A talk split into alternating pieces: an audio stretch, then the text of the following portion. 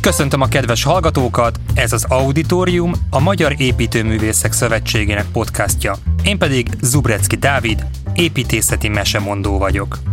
Tavasszal öt adáson keresztül arról beszélgettünk építészekkel, hogy miért is fontos megtartani egy régi épületet ahelyett, hogy lebontanánk és újat építenénk helyette. Egy lassan düledező ház is lehet érték, meg akár közösségi tér is, csak bizonyos szintig ki kell alakítani. Ez a bizonyos szintig, ez pedig az a mentmebontás. Röviden, mit is jelent a fenntartható építészet? A téma ősszel sem változott, csak épp hátra léptünk egyet, hogy messzebbről vizsgálhassuk meg a kérdést.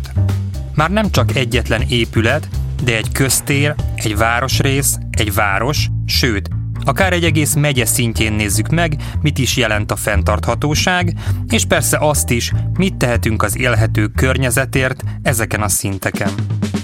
Egy közpark, főleg, hogyha kevés van belőle, és sokan használják, le fog amortizálódni.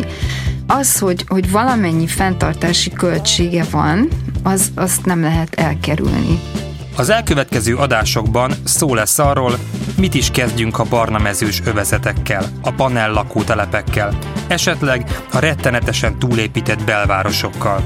Bemutatjuk, miért kell megfékezni a nagyvárosok szétterülését.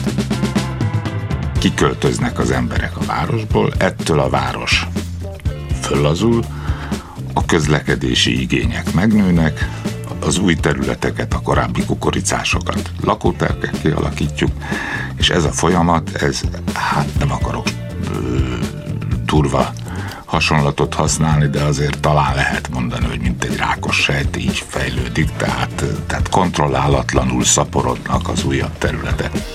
Nem csak a miértre, de a hogyanra is igyekszünk választ találni. Megnézzük, mit jelent a fenntarthatóság egy falusi portán, egy gangos bérházban, egy városi parkban, vagy épp az egyre élhetetlenebbé váló agglomerációban. Semmilyen családos ember jelenleg nem választja a Terézváros lakhelyéül, mert nem tudja hova levinni a gyerekét, vagy hogy végig akar tolni egy babakocsit, akkor nem tud végig tolni egy babakocsit. Izgalmas beszélgetéseknek nézzünk elébe. Tartsatok velem!